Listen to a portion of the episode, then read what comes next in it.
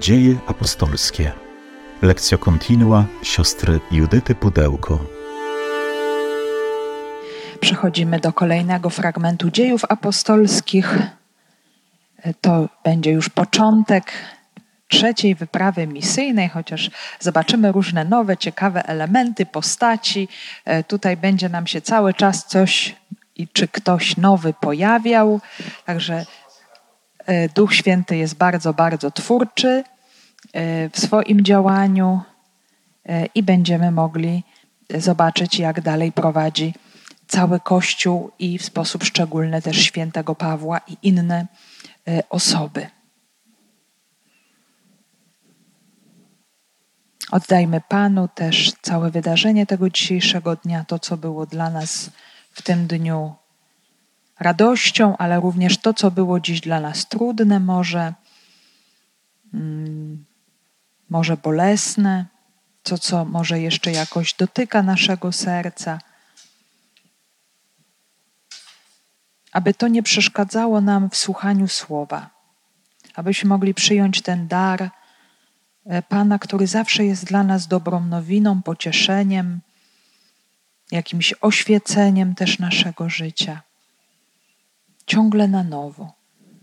Panie Jezu Chryste, prosimy Cię, Ty jesteś obecny pośród nas w tajemnicy tego słowa, e, w tajemnicy ducha, którego nam posyłasz do naszych serc. Jesteś obecny pomiędzy nami i w nas. Udzielaj nam wszystkich łask potrzebnych, Twego światła, Twojego pocieszenia, otwarcia naszego serca na Twoje słowo. Prosimy Cię, udzielaj nam Twego Ducha Świętego.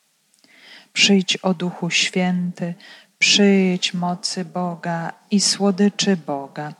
Przyjdź Ty, który jesteś poruszeniem i spokojem zarazem. Odnów nasze męstwo wypełnij naszą samotność pośród świata. Przyjdź w nas zażyłość z Bogiem. Przyjdź, duchu, z przebitego boku Chrystusa na krzyżu. Przyjdź z ust zmartwychwstałego. Więc zmieni nam się troszeczkę dziś dekoracja i cała rozpiska, bo już skończyliśmy dosyć duży etap w misyjnej działalności Pawła, czyli drugą podróż misyjną. Y, która tutaj w tym opisie dziejów następowała po tak zwanym soborze czy spotkaniu jerozolimskim. Wśród egzegetów są bardzo różne opinie na ten temat. Niektórzy uważają, że właśnie e, po, mm, dopiero po drugiej wyprawie misyjnej był faktycznie było to spotkanie i wtedy Paweł miał już całkowicie opuścić e, Antiochię, co się też dzisiaj dokona niemniej jednak my sobie po prostu e, idziemy według lektury dziejów apostolskich, e, fragment po fragmencie, patrząc też na treść, ale również na cały zamysł teologiczny ewangelisty i, mm, i świętego Łukasza, który nam to dzieło właśnie w taki sposób przygotował. Także będziemy przyglądać się znów przede wszystkim osobie świętego Pawła, misjonarza, podczas jego trzeciej podróży misyjnej, gdzie zanim jeszcze usłyszymy o Pawle, dziś usłyszymy troszeczkę o innym bohaterze, który ma na imię Apollos, e, czyli człowiek o bardzo greckim imieniu, ale również o Pawle e, i sporo czasu też spędzimy w Efezie. Ten Efes, który nam wybrzmiał pięknie podczas powrotu Pawła z drugiej podróży misyjnej, który był taką tutaj e, soczystą przynętą, e, bo Paweł doświadczył tam otwartości, będzie teraz takim szczególnym punktem jego działalności, zatrzymania się, co, jak się później okaże, Paweł również będzie w tym Efezie więziony, jakże będzie to miejsce jego bardzo trudnego doświadczenia, jego kajdan dla Ewangelii. Ale nie będzie to oczywiście jedyne miejsce podczas trzeciej podróży misyjnej. E, będzie to taka podróż, która w jakiś sposób zamknie te klasyczne podróże misyjne, które jak wiemy są trzy opisane w dziejach apostolskich. E, potem będzie wielka wyprawa e, właśnie już z Jerozolimy przez morze do Rzymu, ale tutaj jeszcze nie mamy odniesień do, do tego miejsca i tak nam dzieje apostolskie się zakończą. Niemniej jednak, żeby doszło do właśnie tej ostatniej już podróży, opisanej oczywiście przez Łukasza, bo hipotez jest jeszcze sporo, że Paweł jednak po tym pierwszym uwięzieniu w Rzymie jeszcze nie ponosi śmierci męczeńskiej, ale jeszcze potem sporo misjonuje i są różne hipotezy na ten temat nieopisane przez Łukasza, to jednak my sobie przynajmniej tak na razie tę drogę według dziejów apostolskich przejdziemy. Ale zanim y, będzie ta ostatnia podróż opisana w dziejach do Rzymu, to Paweł przeżywa swoją trzecią podróż misyjną, która się zakończy w Jerozolimie dość boleśnie, bo pojmaniem Pawła. Y, czyli zobaczcie, ta podróż ostatecznie doprowadzi do czego? Do tego, że Paweł objawi się bardzo podobny do Jezusa Chrystusa. Doświadczy ogromnego prześladowania, odrzucenia, pojmania właśnie w Jerozolimie, w mieście świętym.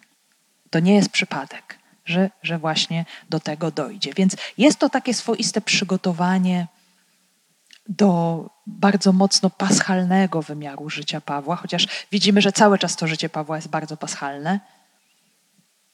Niemniej jednak właśnie ta trzecia podróż bardzo mocno to objawi. Więc ostatnio czytaliśmy ten kontekst do do, do trzeciej wyprawy on jest taki, że po prostu Paweł skończył drugą wyprawę. Już nie będziemy jej w całości przypominać, bo myślę, że jest ona dobrze już nam jakoś zakodowana. Ale Paweł powrócił z drugiej wyprawy do Antiochii. Trochę tam miał pobyć wśród braci we wspólnocie y, i niebawem miał znów wyruszyć w podróż y, ewangelizacyjną i do Antiochii według dziejów My nie wiemy, czy tak było faktycznie, ale według dziejów już miał nie wrócić. Czyli takie też według dziejów pożegnanie z Antiochią. Możemy zobaczyć, jak wygląda trzecia podróż misyjna. Bardziej z bliska, z Antiochii. Jeszcze raz potem sobie tę mapę mm, zobaczymy.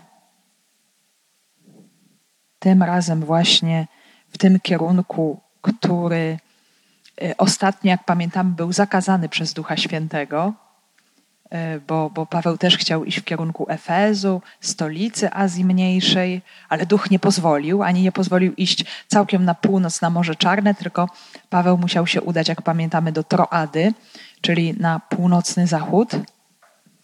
A teraz jest nieco inaczej. Będzie tutaj właśnie cały ruch w kierunku Efezu, i my dzisiaj sobie właśnie tę drogę przejdziemy kawał, kawał drogi, 1800 kilometrów, więc jest całkiem, całkiem spora mm, odległość. Niemniej jednak po kolei spróbujmy usłyszeć, co dzisiaj chce nam Pan o tym fragmencie życia Kościoła i fragmencie życia Pawła powiedzieć. Z dziejów apostolskich. Pozostał przez pewien czas i następnie wyruszył, przemierzając krainę galacką i Frygię, umacniając wszystkich uczniów. Pewien Żyd imieniem Apollos, rodem z Aleksandrii, człowiek uczony i biegły w pismach, przybył do Efezu. Znał on już drogę pańską i przemawiał z wielkim zapałem i nauczał dokładnie tego, co dotyczyło Jezusa, znając tylko chrześcijanowy. Zaczął on odważnie przemawiać w synagodze. Gdy go Pryscylla i Akwilla usłyszeli, zabrali go ze sobą i wyłożyli mu dokładnie drogę Bożą. A kiedy chciał wyruszyć do Achai, bracia napisali list do uczniów z poleceniem, aby go przyjęli. Gdy przybył, pomagał bardzo tym, którzy uwierzyli dzięki łasce. Dzielnie uchylał twierdzenia Żydów, wykazując publicznie na podstawie pism, że Jezus jest Mesjaszem. Kiedy Apollos znajdował się w Koryncie, Paweł przeszedł okolice wyżej położone, przybył do Efezu, i znalazł jakichś uczniów. Zapytał ich, czy otrzymaliście Ducha Świętego, gdy przyjęliście wiarę? A oni do niego, nawet nie słyszeliśmy, że istnieje Duch Święty. Jaki więc chrzest przyjęliście? zapytał, a oni odpowiedzieli chrzest Janowy. Rzekł Paweł, Jan udzielał chrztu nawrócenia, przemawiając do ludu, aby uwierzyli w tego, który za nim idzie, to jest w Jezusa. Gdy to usłyszeli, przyjęli chrzest w imię Pana Jezusa. A kiedy Paweł położył na nich ręce, Duch Święty stąpił na nich. Mówili też językami i prorokowali. Wszystkich było około dwunastu mężczyzn. Czyli będzie dzisiaj o e, ważnym też ugrupowaniu e, tych, którzy byli związani z osobą Jana Chrzciciela. Też bardzo ważny element e, mozaiki judaizmu palestyńskiego, ale jak widzimy, nawet i nie tylko palestyńskiego, ale nawet Azji Mniejszej. Więc bardzo, bardzo ciekawy motyw. Pozostał przez pewien czas i następnie wyruszył, przemierzając krainę galacką i Frygię, umacniając wszystkich uczniów. Więc tu możemy sobie dokładnie zobaczyć. Paweł wyrusza z Antiochii, przemierza Azję Mniejszą, e, krainę galacką. No, może początkowo to jest jeszcze Cylicja, jego ulubiony rodzinny Tars, i później już właśnie kraina galacka i Frygia. To są też te kościoły, które Paweł założył w pierwszej podróży misyjnej, więc widzimy tutaj Derbę, Listra, Ikonium, Antiochia Pizydyjska pewnie po drodze. I cały czas umacnia uczniów, bo wie, że to jest bardzo potrzebne to umocnienie od apostoła, od ojca w wierze, który przekazał im Chrystusa, przekazał im wiarę, jest bardzo potrzebne. Więc już po raz kolejny to widzimy. Pierwszej podróży misyjnej Paweł tam przybył z Cypru i założył tam kościół, wspólnoty. W drugiej podróży misyjnej, w drugą podróż się udał, żeby umocnić i teraz też, choć pewnie wie i czuje, że duch go posyła do Efezu, bo już były oznaki właśnie konieczności udania się do Efezu, ta podróż jest tak przygotowana, żeby również umocnić też wiarę innych. I przebywa, tak jak powiedziałam wcześniej, około 1800 kilometrów. Jakże nasz Paweł jest bardzo mocno tutaj niespożyty, silny. Chociaż jak wiemy, prawdopodobnie był człowiekiem bardzo wątłym, niskim, szczupłym, chorowitym, więc nie miał zbyt wielu sił fizycznych, ale jednak zobaczcie, miłość Chrystusa go tak rozpalała, że praktycznie nie był w stanie się zatrzymać i, i pokazywał samym sobą, jak bardzo Chrystus zmartwychwstały jest obecny w nim, że nie może się zatrzymać, że właśnie pędzi do wyznaczonej mety e, ku nagrodzie, ale zanim dojdzie do tej mety, to potrzeba, aby głosił Ewangelię, aby narody posłyszały, zwłaszcza ci, którzy jeszcze Chrystusa nie znają. Więc zanim jeszcze przybędzie do kolejnych, którzy Chrystusa nie znają, nawiedza już tych, którzy Chrystusa poznali. To jest właśnie bardzo ciekawa i, i myślę piękna, ważna strategia apostolska Pawła, że sprawdza, umacnia, pociesza w wierze, może odpowiada też na ich pytania, które się rodzą w ich życiu, sprawdza, jaki jest e, tutaj termometr ich wiary e, i daje też, myślę, bardzo ważne pouczenia, pouczenia dla nich ale zmierza cały czas do Efezu. I tutaj nam się nałoży, nałoży nam się też taka swoista kalka, bo Paweł cały czas idzie do Efezu, ale jeszcze do niego nie doszedł. I w tym czasie, kiedy Paweł zmierza, albo przebywa w kościołach Azji Mniejszej, w kościołach Galacji i Frygii i jest w drodze, już możemy powiedzieć, Łukasz daje nam tutaj taki flash, takie zbliżenie, co się w tym czasie dzieje w Efezie. I cały czas pamiętamy, że w tym Efezie już Paweł zasiał ziarno Ewangelii, wracając z Koryntu, i że tam zostawił Akwilę i Pryscylę, swoich przyjaciół, ewangelizatorów, małżonków, gorliwych, żarliwych i bardzo odważnych, którzy tam są we wspólnocie żydowskiej i ewangelizują. No i teraz zobaczmy, co się tam dzieje dalej. Pewien Żyd imieniem Apollos, rodem z Aleksandrii, człowiek uczony i biegły w pismach, przybył do Efezu. Więc właśnie był tam Paweł, zasiał Ewangelię, pozostali tam Akwila i Pryscylla, Paweł tam zmierza, ale zanim dotrze do Efezu, pojawia się tam bardzo ważna postać. Tutaj y, mamy kilka mm, cech, które nam opisują tego człowieka. Jest to Żyd, który ma na imię Apollos, ma więc imię bardzo greckie, e, pochodzi z Aleksandrii, czyli z północnego Egiptu. Tam wiemy, że Aleksandria to było potężne centrum, to było drugie miasto w imperium po Rzymie. Trzecia była Antiochia, czwarte był dopiero Efes, więc to tak wyglądało. Aleksandria była potężnym miastem z ogromną wspólnotą żydowską, która no była tam już, jak pamiętamy, diaspora żydowska, no już nie będę wspominać do czasów Mojżesza, nie? bo o tym to nie ma co mówić, ale Żydzi do tego Egiptu, który jednak budził w nich trwogę, jednak znów przybyli i to były czasy najazdu babilońskiego. Tam Żydzi się udają, uciekają, tacy możemy powiedzieć uchodźcy wojenni e, przed Babilończykami, uciekają do Aleksandrii i tam ta wspólnota się bardzo mocno rozrasta. E, tam, jak e, podaje tradycja, jak pamiętamy, oni zaczynają też być grekojęzyczni, ci Żydzi, i w międzyczasie z upływem lat powstają tłumaczenia Tory i potem innych ksiąg e, z języka hebrajskiego na język grecki, czyli Septuaginta.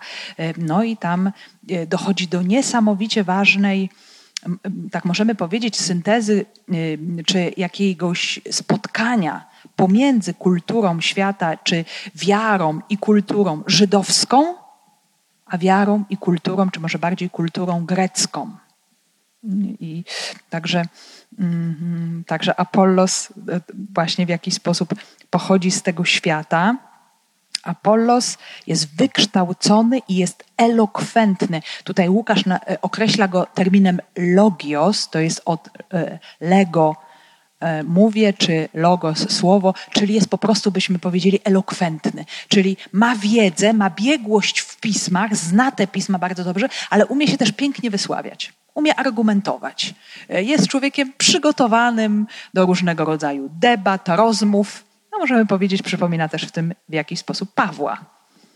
Bo zapewne wielu we wspólnotach chrześcijańskich było ludzi bardzo żarliwych, wierzących chrześcijan, święcie żyjących, czy potem nawet również męczenników, wyznawców, pasterzy Kościoła, ale tylko niektórzy z nich posiadali taką właśnie biegłość w pismach, żeby nauczać innych, przekonywać, co więcej, argumentować, a jeszcze co więcej, bronić wiary wobec atakujących ją. Więc no, to tutaj y, Apollos jest właśnie jednym z nich. Potrafi argumentować. To jest intelektualista. To jest człowiek niesamowicie wykształcony i tu możemy go też w jakiś sposób połączyć chociażby tak ideowo z Filonem z Aleksandrii, który żyje troszeczkę wcześniej, ale w pierwszym wieku y, właśnie naszej ery. Y, jest również Żydem wykształconym w piśmie i w filozofii greckiej, więc posługuje się terminami świata filozofii greckiej, żeby tłumaczyć, objaśniać Pismo Święte i również wykazywać wyższość objawienia danego Żydom od mądrości greckiej. No, była bardzo ważna działalność, ponieważ w tym świecie aleksandryjskim, e, o czym też chociażby wspomina nam księga Seracha, e, czy jej greckie tłumaczenie, które też właśnie tam powstało w Aleksandrii, e, że no jest bardzo konieczne wyjaśnianie nauki żydowskiej, objawienia danego Izraelowi, wykazywanie, no, że ono jest absolutnie wyjątkowe że żadna mądrość ludzka nie jest w stanie dorównać tej mądrości Bożej, która jest obecna w pismach. Ale żeby to osiągnąć, żeby nawet w jakiś sposób misjonować wśród y, pogańskiej ludności Aleksandrii, no to trzeba umieć jakoś do nich dotrzeć. I Apollos jest właśnie takim człowiekiem, który potrafi, bo on zna, podobnie jak Paweł, i świat y, Słowa Bożego, bo jest Żydem, i jednocześnie zna świat kultury greckiej. Tak to było w przypadku e, Filona z Aleksandrii, e, no, którego idee mm, cudownie obecne są e, w pismach ojców Kościoła, czy zostały właśnie wzięte, jak pamiętamy, przez zaczerpnięte, mm, przetworzone przez czwartą Ewangelię, cała koncepcja logosu jako pośrednika pomiędzy Ojcem a nami, Syna Bożego, to jest koncepcja bardzo mocno przepracowana i ukuta przez Filona. Oczywiście Jan, jak pamiętamy jeszcze sprzed wielu lat, e, kto był, to pamięta e, nasze rozważanie długie i, i, i rozciągnięte w czasie prologu, słowo po słowie, e, to, to, to pamiętamy, że tych idei było bardzo dużo. Że nie tylko Filon, ale Filon łączył w sobie właśnie ten świat i żydowski, i grecki, no, no, bo, no bo logos to jest właśnie jednak termin pochodzący ze świata greckiego, z filozofii greckiej, więc on cudownie to potrafił wyjaśniać. Bardzo to potem intrygowało również chociażby teologów chrześcijańskich, bo rabini żydowscy odrzucili Filona, tak jak odrzucili Septuagintę, chyba wyczuli tutaj bardzo mocno, że jest, on stał się takim pomostem pomiędzy światem żydowskim, greckim i chrześcijańskim, a właśnie Filon widział właśnie w tym logosie cudownego pośrednika, e, chociaż jeszcze może nie do końca widział w nim Boga, widział jakąś tajemniczą postać, prawie Syna Bożego, e, przez który zostało wszystko stworzone, cały świat. I jednocześnie mówił tak bardzo pięknie, że to, że Bóg jest, my wiemy. Ale Bóg jest tak inny, że cokolwiek o nim powiemy, to będzie nie to. I to jest, moi drodzy, to, co potem e, jest nazwane teologią apofatyczną, e, czyli negatywną, czyli nie potrafimy w sposób adekwatny mówić o Bogu, bo cokolwiek o nim powiemy, to się zupełnie wymyka e, tym kategoriom, kim on jest. Możemy stwierdzić, że on jest. I, i zobaczcie, że dopiero ten logos wcielony ponieważ dla, dlatego, że jest właśnie człowiekiem, doskonale objawia nam Ojca. O tym Bogu e, jedynym przed wcieleniem my niewiele możemy powiedzieć. Owszem, na podstawie pism Starego Testamentu ubieramy go bardzo często w kategorie, różne kategorie ludzkie, ale to jest tylko pewien obraz bardzo, bardzo niedoskonały i daleki i dlatego Logos ucieka się, e, Filon, przepraszam, ucieka się właśnie do tych pojęć cudownych. Potem dalej oczywiście całą szkołę alegorii zapoczątkowaną przez, właśnie przez Filona kontynuuje chociażby Orygenes czy Klemens Aleksandryjski, więc miejsce z ogromnymi tradycjami. Też święty Hieronim uważał, że później Apollos został już w późniejszym czasie, zaraz zresztą będziemy słyszeć o tym, że się udał do Koryntu, miał zostać biskupem Koryntu, chociaż inni uważają, że jeszcze gdzie indziej, w innych miejscach, w Epiżenowym albo w Cezarei miał być biskupem.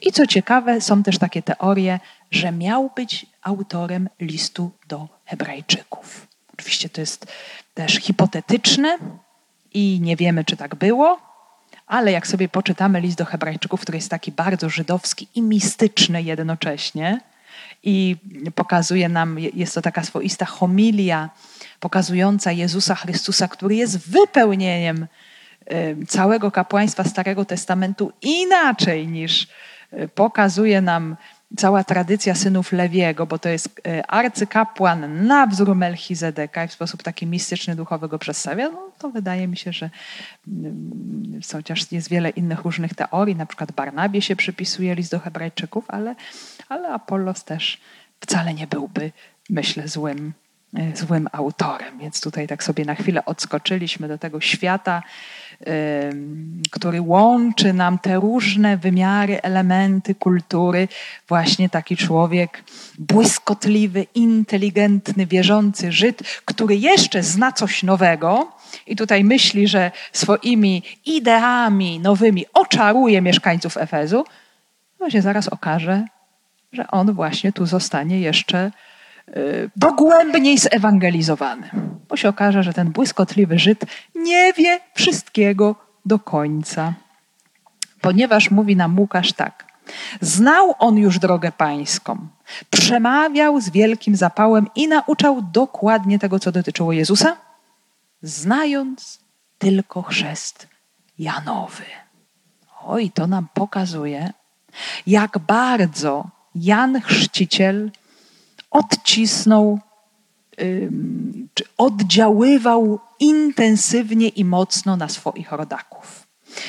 To w teologii Janowej było nazwane tak zwanymi kołami Jana Chrzciciela, że to były bardzo duże grupy. To podawali również różni autorzy, nawet Józef Flawiusz, historyk, pisał o ogromnych rzeszach uczniów Jana Chrzciciela, że praktycznie ten Jan dlatego był no tak jakiś, budził takie napięcie i respekt i lęk chociażby w Herodzie Antypasie, ponieważ on się obawiał, że wystarczył jeden ruch, jeden y, gest Jana Chrzciciela i doszłoby do rewolty albo do jakiejś właśnie potężnej wojny z Rzymianami. Ale oczywiście wiemy, że Jan w ogóle ku temu nie zmierzał, e, ale był też uważany przez wielu za Mesjasza, za postać mesjańską. I ten jego chrzest nawrócenia, to obmycie w rzece Jordan, ono było bardzo, bardzo mm, też, y, no ten rytuał mm, pociągał wielu ludzi. Nie jest konieczne, żeby Apollos sam był w tej grupie y, uczniów Jana Chrzciciela, ale mógł się zetknąć z tym nurtem, bo ten judaizm y, jeszcze zanim świątynia jerozolimska została zburzona, on był bardzo, bardzo bogatą mozaiką różnych ugrupowań. I y, uczniowie Jana Chrzciciela to była jedna wśród grup y, judaizmu, a wiemy, że Jan stał się po prostu męczennikiem i był za takiego uznawany, y, był bardzo czczony po swojej śmierci, no i po prostu tyle. I, i uczniowie Jana Chrzciciela, przyjmując y, ten chrzest nawrócenia, metanoi i żyjąc według wskazówek Jana Chrzciciela, jaki to miało sens? Oni w ten sposób wierzyli, że oczekują na Mesjasza, że ma przyjść. Taki właśnie ktoś, kogo zapowiadał y, Jan Y, I, i, I wszyscy czekali na Mesjasza. To jest bardzo też ciekawe, bo, bo na przykład faryzeusze też czekali na Mesjasza i się bardzo złościli na, chociażby właśnie na, na, na chrześcijan, że oni tutaj jakieś swoje nauki wprowadzają, a tymczasem faryzejskie oczekiwanie na, na, na Mesjasza no to polegało na drobiazgowym przestrzeganiu prawa to, co robią chociażby dzisiaj bardzo pobożni Żydzi, Hasydzi. Oni wierzą, że dzięki szczegółowym przestrzeganiom wszystkich tych przepisów prawa przyspieszają przyjście Mesjasza. I tak samo uważał na początku Szaweł. Więc każdy robił coś, żeby Mesjasz przyszedł. I zobaczcie, wyobraźcie sobie, taki Apollos przybywa tutaj do Efezu, y, gdzie była duża, prężna również synagoga, wspólnota żydowska, miasto portowe, miasto niesamowicie prężne, ponad 250 tysięcy ludzi, biblioteka Celsusa, wspaniałe zabytki, nawet te ruiny po dzień dzisiejszy możemy podziwiać, e, praktycznie stolica całej Azji Mniejszej. No i on tutaj wielkie nowości im przedstawia, bo głosi przyjście Mesjasza zapowiedzianego przez Jana, ale tak jakby, tak go głosi, jakby on dopiero miał przyjść. Z perspektywy Jana Chrzciciela, z perspektywy tego chrztu Janowego, czyli chrztu nawrócenia, czyli tej konieczności przyznania się do tego, że jestem grzesznikiem i potrzebuję Zbawiciela. I tyle. I Jan Chrzciciel to jest tyle. No, ale widzimy, że no, nie wie nic więcej. Mówi nam Łukasz, znał drogę pańską. Przemawiał z wielkim zapałem i nauczał dokładnie tego, co dotyczyło Jezusa, znając tylko chrześcijanowy. Drogę pańską znał. To wyrażenie droga pańska, ona może dotyczyć bardzo różnych rzeczy. To jest wyrażenie, syntagma bardzo, bardzo nośna i, i może, może być użyte zarówno do tego, co widzimy w Starym Testamencie, bo co to było chodzić drogami Bożymi? Być wiernym prawu pańskiemu. Ten człowiek, który wypełnia prawo Pana, który słucha Pana, chodzi drogami pańskimi, a grzesznicy schodzą na kręte drogi.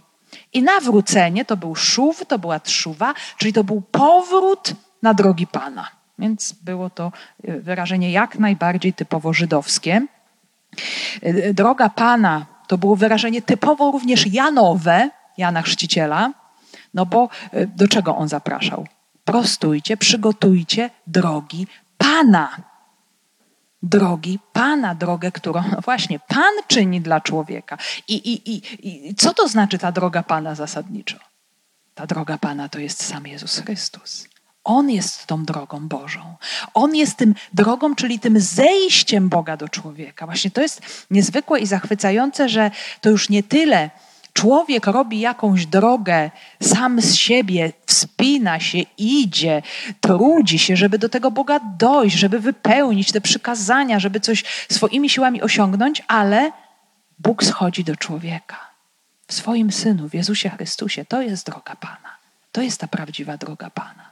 I drogą Bożą, również drogą Pana, czy w ogóle drogą byli nazywani chrześcijanie. O tym już pamiętamy, że e, Szaweł, kiedy udaje się do Damaszku, otrzymuje e, listy e, od arcykapłanów, od przełożonych synagogi w Jerozolimie, którzy mieli jurysdykcję nad również synagogą w Damaszku, aby wyłapać, znaleźć wszystkich zwolenników tej drogi, czyli chrześcijan po prostu. Więc, więc mm, zna on drogę Pana, ale to jeszcze nie jest, nie jest wszystko do końca. W każdym razie jest to człowiek bardzo żarliwy i pełen zapału.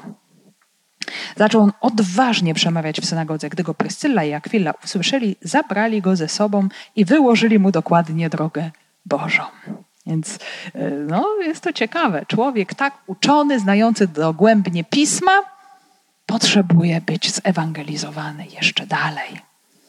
E, I Apollos właśnie naucza w synagodze z odwagą i swobodą, z tym, o czym już mówiliśmy wielokrotnie, z tą cechą ludzi wolnych, z tą cechą ludzi niezależnych od nikogo, a zwłaszcza pełnych Ducha Świętego, z tym, co Grecy nazywali paryzja odwaga, swoboda, wolność, y, mowa w sposób otwarty, bez lęku o cokolwiek. To y, bardzo mocno też charakteryzowało chrześcijan, że oni y, nie obawiając się głosili. I to było bardzo trudne bo wiemy, że chrześcijanie byli prześladowani, byli wykluczani. Pamiętamy, co się z Pawłem działo w niektórych miejscach, jak bardzo był odpędzany, wykluczany e, i to się działo z wieloma chrześcijanami, którzy no, wprowadzali inne zwyczaje, obyczaje w świat pogański, zmieniali całą kulturę, możemy powiedzieć też w jakiś sposób wyprowadzali ludzi z całego e, szaleństwa pogaństwa, które było bardzo dochodowe, E, więc głosić jawnie, otwarcie i w świecie pogańskim, w świecie żydowskim e, o Jezusie to była rzecz bardzo, bardzo trudna. Albo się było prześladowanym przez Żydów, albo się było prześladowanym przez pogan, albo przez jednych i przez drugich. I, i tutaj Apollos naucza z wielką swobodą. E, I naucza w synagodze, czyli pewnie mówi o Jezusie, mówi o Mesjaszu, który ma przyjść, bo prorok Jan Chrzciciel tak zapowiadał, tak przygotowywał, wzywał do chrztu nawrócenia. No i są tu obecni prawdziwi, y, dobrze, właściwie wierzący chrześcijanie y, Pryscylla i Akwilla. Zabierają go do siebie do domu i dokonuje się ewangelizacja. Tak, Jezus jest Mesjaszem zapowiedzianym przez Jana, ale jest to droga, która y, no, jest drogą niezwykłą, bo ta droga prowadzi przez śmierć i zmartwychwstanie. I, i, i to, jest, e, to jest tak wielkie nowum chrześcijaństwa, tak rzecz niezwykła e, i dla Żydów, i dla Pogan, że naprawdę wymaga ogromnej otwartości, mocy działania Ducha Świętego, aby ta prawda została, e, została przyjęta. Co ciekawe, na to też komentatorzy zwracają uwagę, że tutaj w tym opisie Łukasz e, najpierw wymienia Pryscyllę, a potem wymienia Akwilę. Zazwyczaj jest odwrotnie. Najpierw mąż, potem żona przy mężu, jak na żydowską rodzinę przystało. Tutaj jest odwrotnie. I być może świadczy to o tym, że to właśnie Pryscylla miała jakiś większy wpływ, jeżeli chodzi o ewangelizację Akwili. E, przepraszam, Apollosa. Apollosa. Więc więc jest człowiek już w pewnym sensie nawrócony, ale nie do końca, i e, właśnie ci wspaniali ewangelizatorzy dopełniają tego dzieła.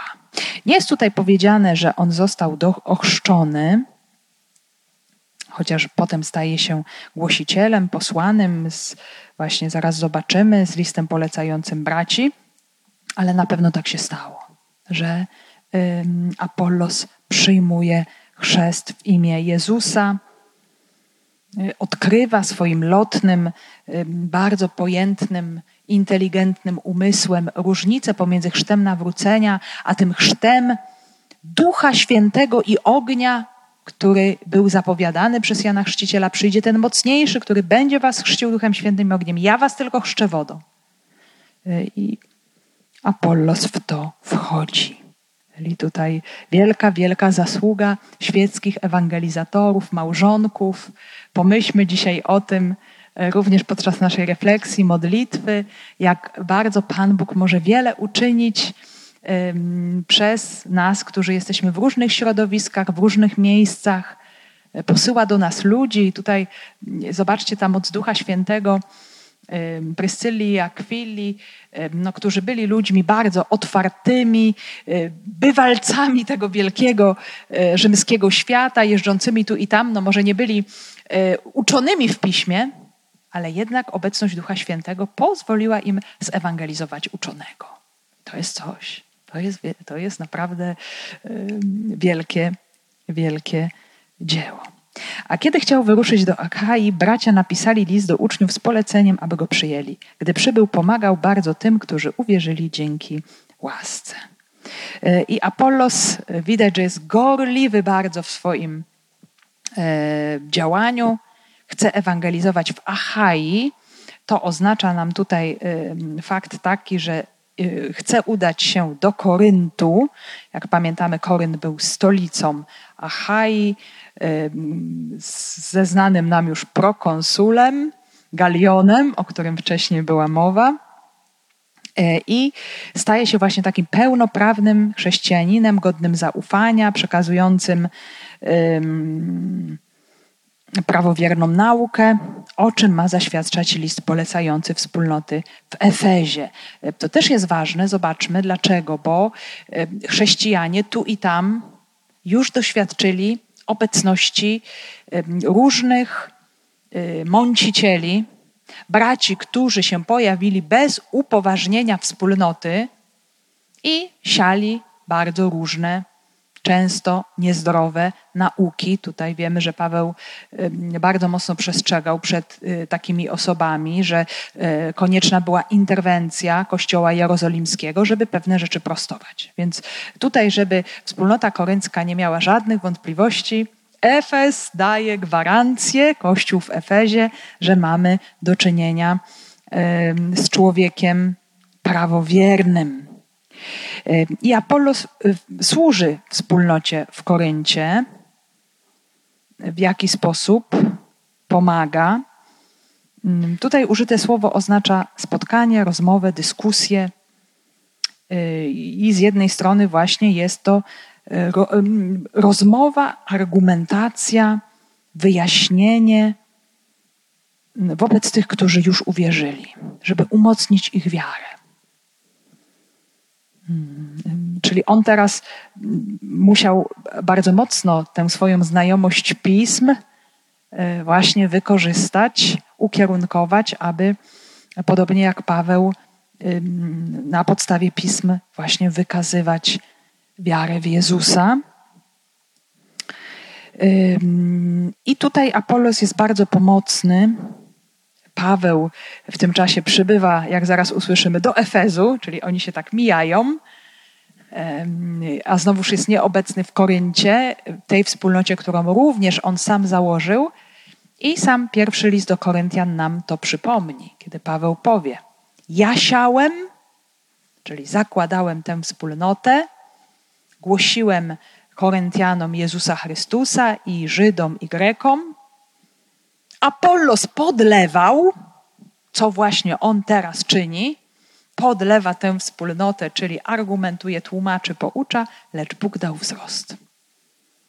To Bóg daje wzrost, nie ludzie. Zaraz zobaczymy, że też mm, we wspólnocie w Koryncie pojawią się napięcia.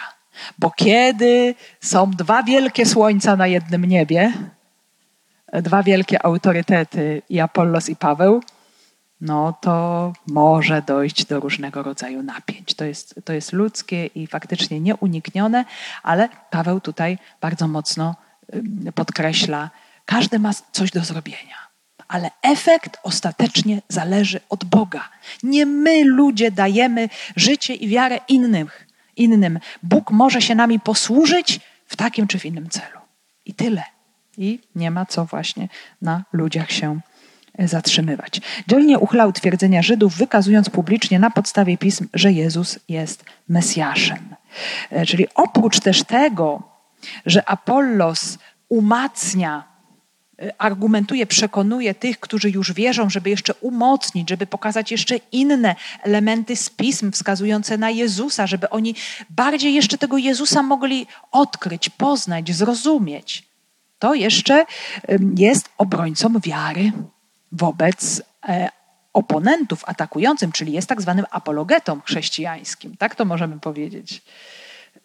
Czas apologetów to czas zwłaszcza drugiego wieku po Chrystusie, kiedy już chrześcijan było bardzo dużo i, e, i, i, te napięcia były bardzo mocne i ataki na wspólnoty wierzących, również e, te wszystkie ataki na poziomie intelektualnym, bardzo dyskredytujące, poniżające chrześcijan i Jezusa ale Apollos czyni to już teraz. Jest apologetą, broni, wyjaśnia, wykazuje i, i to jest ważne, czyni to publicznie. Czyni to publicznie, czyli ma ogromną odwagę. Nie boi się, że ktoś go tam zetnie, że zetnie jego argument, odrzuci. Jest tak bardzo przekonany, tak bardzo pewny wiary, ale jednocześnie tak bardzo biegły w pismach, że czyni to publicznie i to jest bardzo ważne, ponieważ y, wie, że to może dopomóc tym, którzy są chwiejni. Oni są może tacy ludzie, którzy nie mają odwagi zapytać. Y, czy jeszcze sobie stawiają pytania, może się przekonują do chrześcijaństwa, a może nie są jeszcze do niego całkowicie pewni. Coś w ich sercach się tli, i wtedy tacy ludzie, słysząc pewne wyjaśnienia, argumentacje, no, Pan Bóg może właśnie przez to do nich docierać, działać w ich życiu. Więc mm, to jest bardzo wielka i bardzo dobra y, praca. No i właśnie tak jak powiedziałam, Apolos jest bardzo charyzmatyczną osobowością, bardzo silną. I potem Paweł sam wspomni w pierwszym liście do Koryntian na samym początku o problemach, bo pojawią się takie głosy. Ja jestem od Pawła, a ja od Apollosa. Ja jestem Kefasa, a ja Chrystusa. Czyli tak zwane stronnictwa. Czyli właśnie ktoś może był oszczony przez Pawła, a ktoś był oszczony przez Apollosa, a ktoś ma jakieś, ja od Kefasa to może takie związki z judeochrześcijanami, ze wspólnotą jerozolimską, Ktoś mówi, a ja tylko y, praktycznie mnie obchodzi sam Jezus Chrystus, a żadne ludzkie pośrednictwa mnie nie interesują. Więc, więc różnego rodzaju właśnie tutaj tak zwane stronnictwa, y, które, zobaczcie, odnoszą się do tych osób, które są silne, charyzmatyczne, które coś znaczą. To jest zawsze pewne zagrożenie i niebezpieczeństwo, niestety, że coś takiego się stanie. Y, no ale z drugiej strony Paweł bardzo jasno to wyjaśnia, tłumaczy. Mm, właśnie, że to y, tak jak wcześniej to było powiedziane, Chrystus, Bóg daje wzrost. Ja siałem, Apollos podlewał, Bóg dał wzrost. Albo kimże jest Apollos? Albo kim jest Paweł? Sługami, przez których uwierzyliście według tego, co każdemu dał Pan. Sługami. są diakonami, tymi, którzy służą do stołu, czyli podają pokarm słowa i tyle. Oni nawet nie dają nic od siebie, dają to, co otrzymali od Chrystusa. Ewangelię, Jego samego. To jest ta dobra nowina, to jest to życie, które pochodzi od Niego. Nie sami apostołowie są celem. Zawsze jest taka pokusa, e, już od samego początku Kościoła, właśnie tych różnych stronnictw, podział, Kościół taki, Kościół taki, e, apollosowy, Pawłowy czy inny jeszcze, ale e, to Bóg daje wzrost i, i to Pan jest celem mm, wszystkiego. Kiedy Apollo znajdował się w Koryncie, Paweł przeszedł okolice wyżej położone, przybył do Efezu i znalazł jakichś uczniów. W końcu Paweł dociera do Efezu w tym czasie, kiedy Apollos już działa w Koryncie. I spotyka tam uczniów, i kiedy czytamy w Nowym Testamencie słowo uczeń, uczniowie, to to zazwyczaj dotyczy chrześcijan, ale okazuje się, że tak nie do końca. W jakiś sposób tutaj oni znajdują z Pawłem wspólny język, są wspólnotą, są grupą razem żyjącą, połączoną w jakiś sposób. Paweł, dialogując z nimi, odkrywa właśnie też coś zaskakującego. Zapytał ich, czy otrzymaliście Ducha Świętego, gdy przyjęliście wiarę? A oni do niego. Nawet nie słyszeliśmy, że istnieje Duch Święty. Nie? To, to takie porażające wręcz stwierdzenie. Y, no właśnie, co jest y, testem, co jest sprawdzianem chrześcijanina? Przez co się poznaje chrześcijanina? Owszem, po e, wiara w Pana Jezusa Chrystusa, ale w praktyce życie chrześcijańskie objawia się przez działanie Ducha Świętego.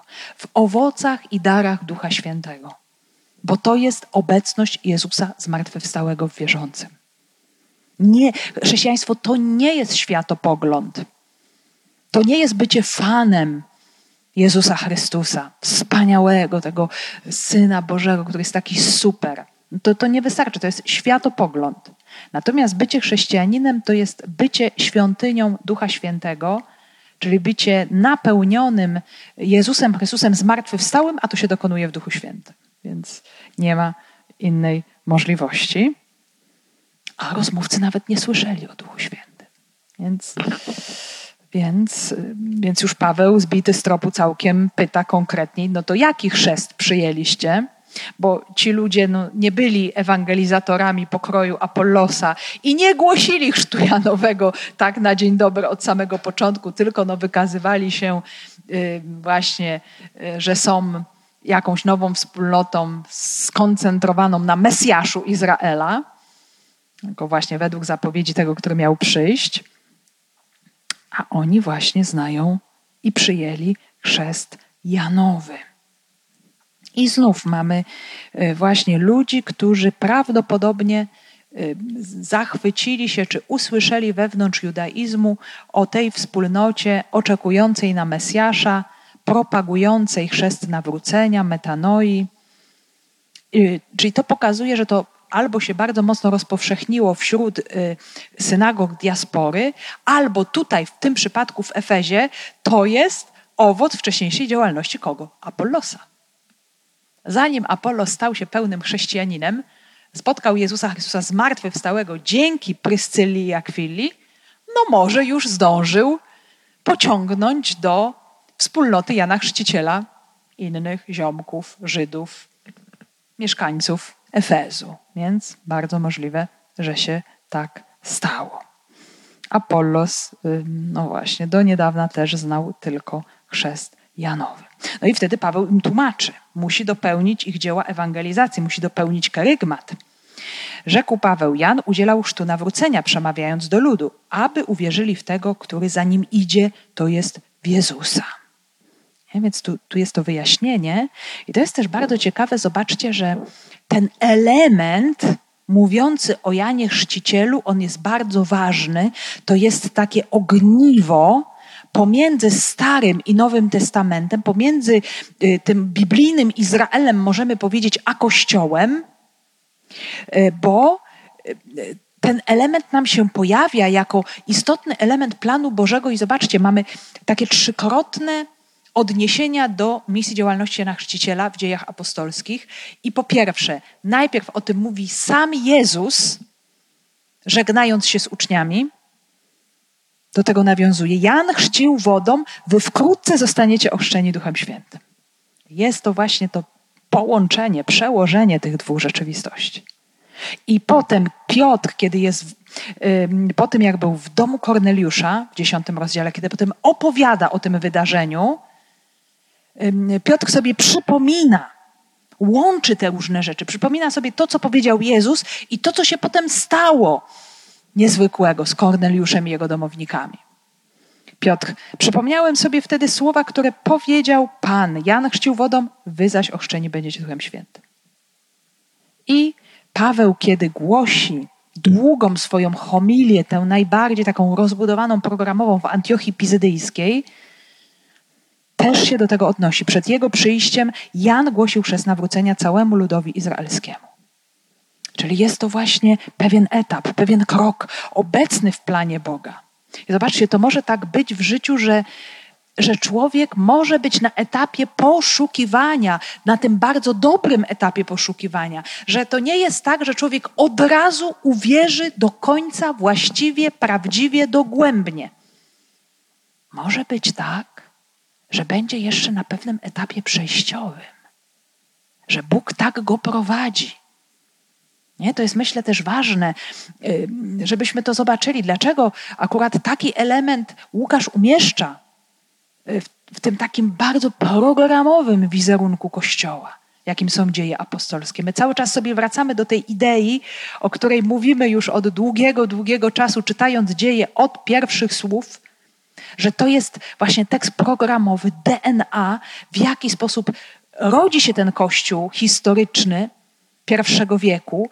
Oczywiście to już jest pewna teologiczna interpretacja Łukaszowa, bardzo miejscami mocno teologiczna i przemyślana, ale to jest tak przemyślane i przemodlone i skomponowane, że jednocześnie daje to nam wskazówki również na dziś i tak jak mamy Ducha Świętego, i świętość, i żarliwość, i charyzmaty, i męczeństwo, i grzech, i różne straszne rzeczy też, i prześladowania, które są cudownym, yy, możemy powiedzieć, cudowną petardą ewangelizacyjną dla Kościoła, tak samo mamy pokazaną rzeczywistość i niewiary, i odrzucenia, i i, i, i wyśmiania Ewangelii, to co mamy cały czas teraz. I, no i właśnie takich etapów, że są czasami tacy ludzie,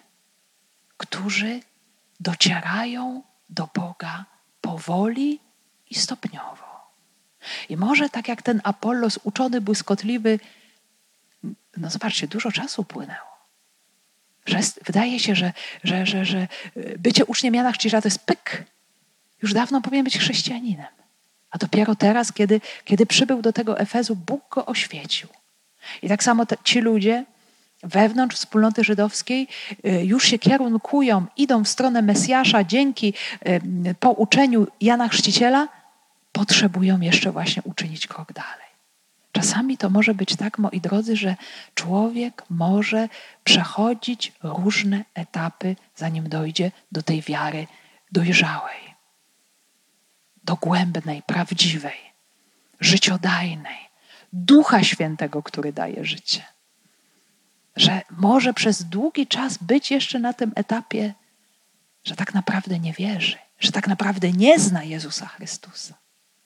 Zobaczcie, tak, tak to może być. Musi się w jakiś sposób dłuższy przygotować, aby przyjąć tę pełnię wiary. Bo no, ten etap ich przygotował. Gdy to usłyszeli, przyjęli chrzest w imię Pana Jezusa. Że to było wystarczające.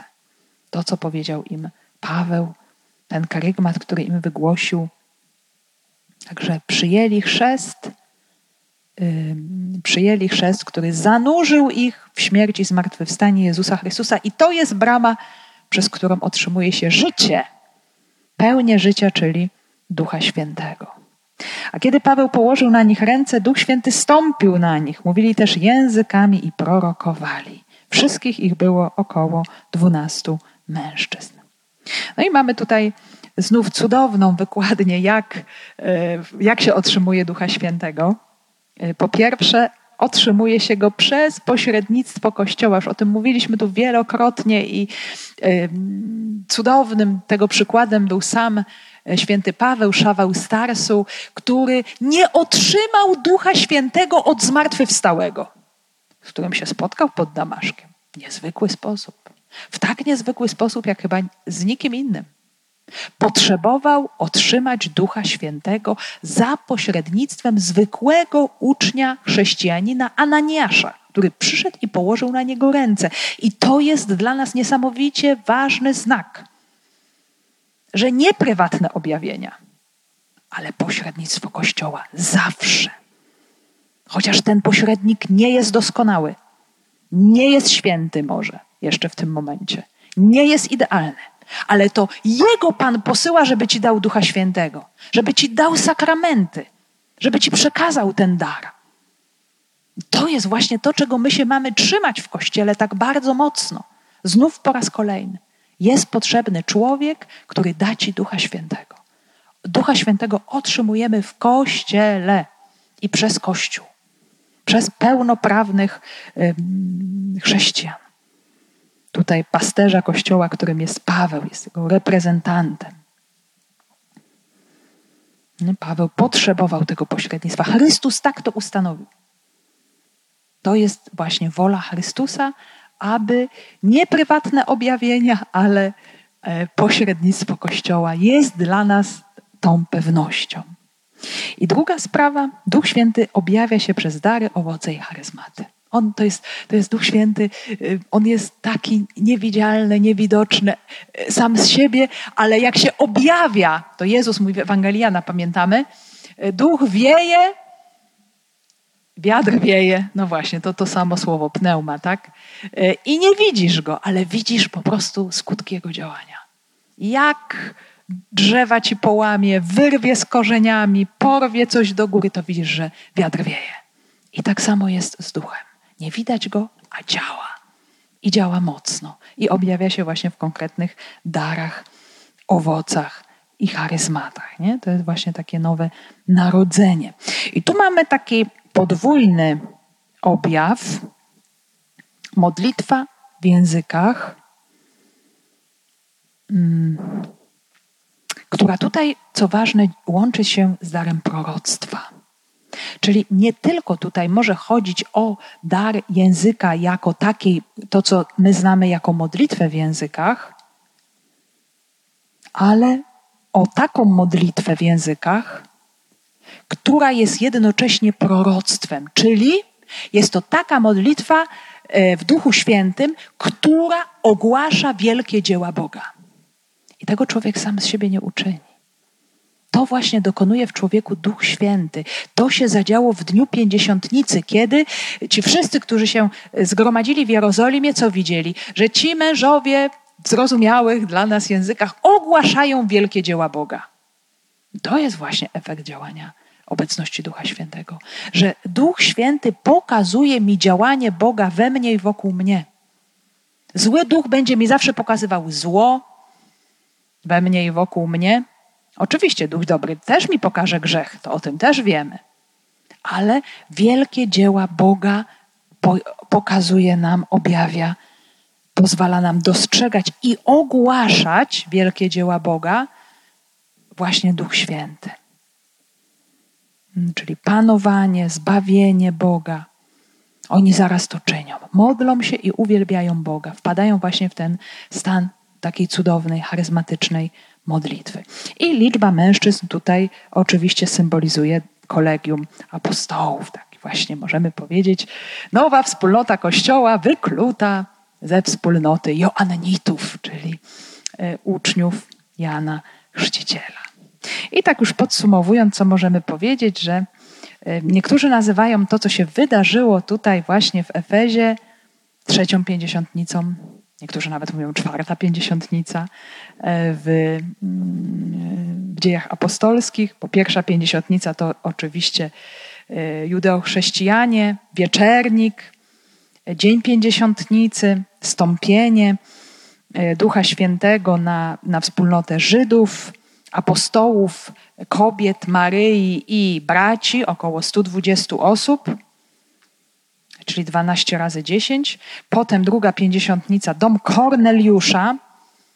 Tam to już w ogóle był, było mega to wszystko mocne, bo Duch Święty stąpił za nim. Oni zostali ochrzczeni, po prostu ich wszystkich wziął pod włos i wyprowadził w pole, nawet e, Piotra, głowę kościoła. Tak bardzo domagał się zbawienia pogan, że stąpił za nim Piotr do końca ogłosił karygmat czyli y, pięćdziesiątnica pogano-chrześcijan. I tu mamy tę trzecią pięćdziesiątnicę na Joannitów. Też niektórzy dołączają do tego y, szczególny opis wylania się Ducha Świętego na Samarytan. To też była taka odrębna nacja. Pamiętamy, że to było tak wyszczególnione, podkreślone, bo Samarytan ewangelizował Filip, zresztą z grupy siedmiu, diakon, czyli, czyli pracownik Caritasu, jak sobie go określiliśmy, charytatywny pomocnik, obsługiwacz stołu, który był oczywiście pełen Ducha Świętego i mocy i ewangelizował Samarię, ale potem muszą przybyć apostołowie Piotr i Jan z Jerozolimy, właśnie autoryzować to wszystko, nałożyć ręce i Duch Święty stępuje na, na Samarytan. Więc to są takie, myślę, ważne momenty, bo pokazują te różne grupy wewnątrz Kościoła, gdzie każdy na inny sposób spotyka Chrystusa, niby tak samo, niby właśnie przez posługę Kościoła, apostoła, ewangelizatora, ale w swoiście inny sposób i, i spotyka właśnie Jezusa Chrystusa zmartwychwstałego w mocy